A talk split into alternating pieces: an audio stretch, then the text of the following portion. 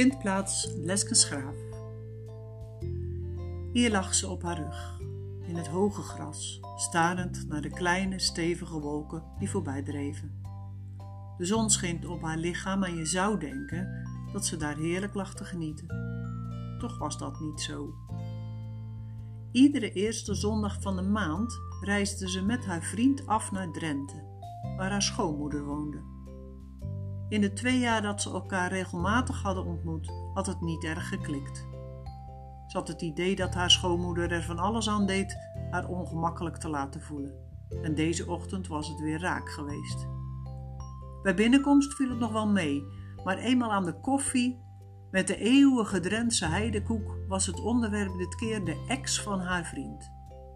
Het was haar vaker overkomen, maar dit keer kroop het onder haar huid.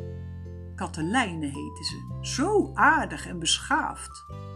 Als ik de ouders hier in het dorp tegenkom, zeggen we nog vaak hoe jammer het is dat jullie de verkering hebben verbroken. Prachtig krullend haar, muzikaal en ze kon het ook zo goed vinden met Teel. Toen Teel zijn naam hoorde, spitste hij zijn oor en kwispelde. Ze was het beu. Katelijne was alles wat zij niet was, met haar piekhaar. Ze stond op en zei: Ik ga even kijken of ik nog ergens tijm kan vinden voor de thee. Ik neem Til wel even mee. Ze was vertrokken voor ze er erg in hadden.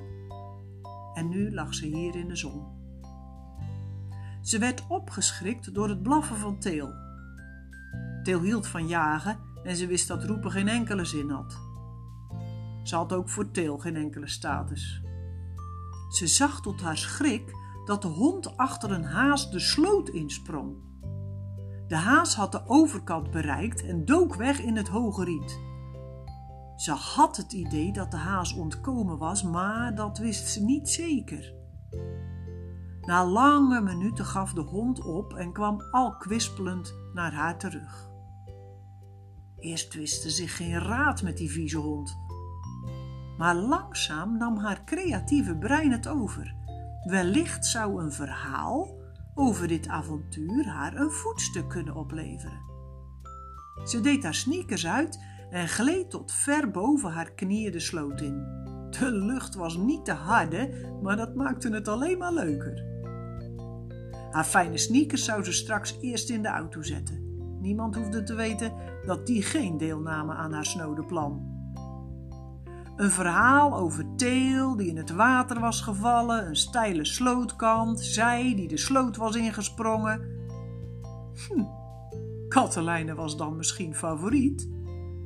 Zij zou zorgen dat haar held op sokkendaad er bij de toehoorders inging als Drentse heidekoek.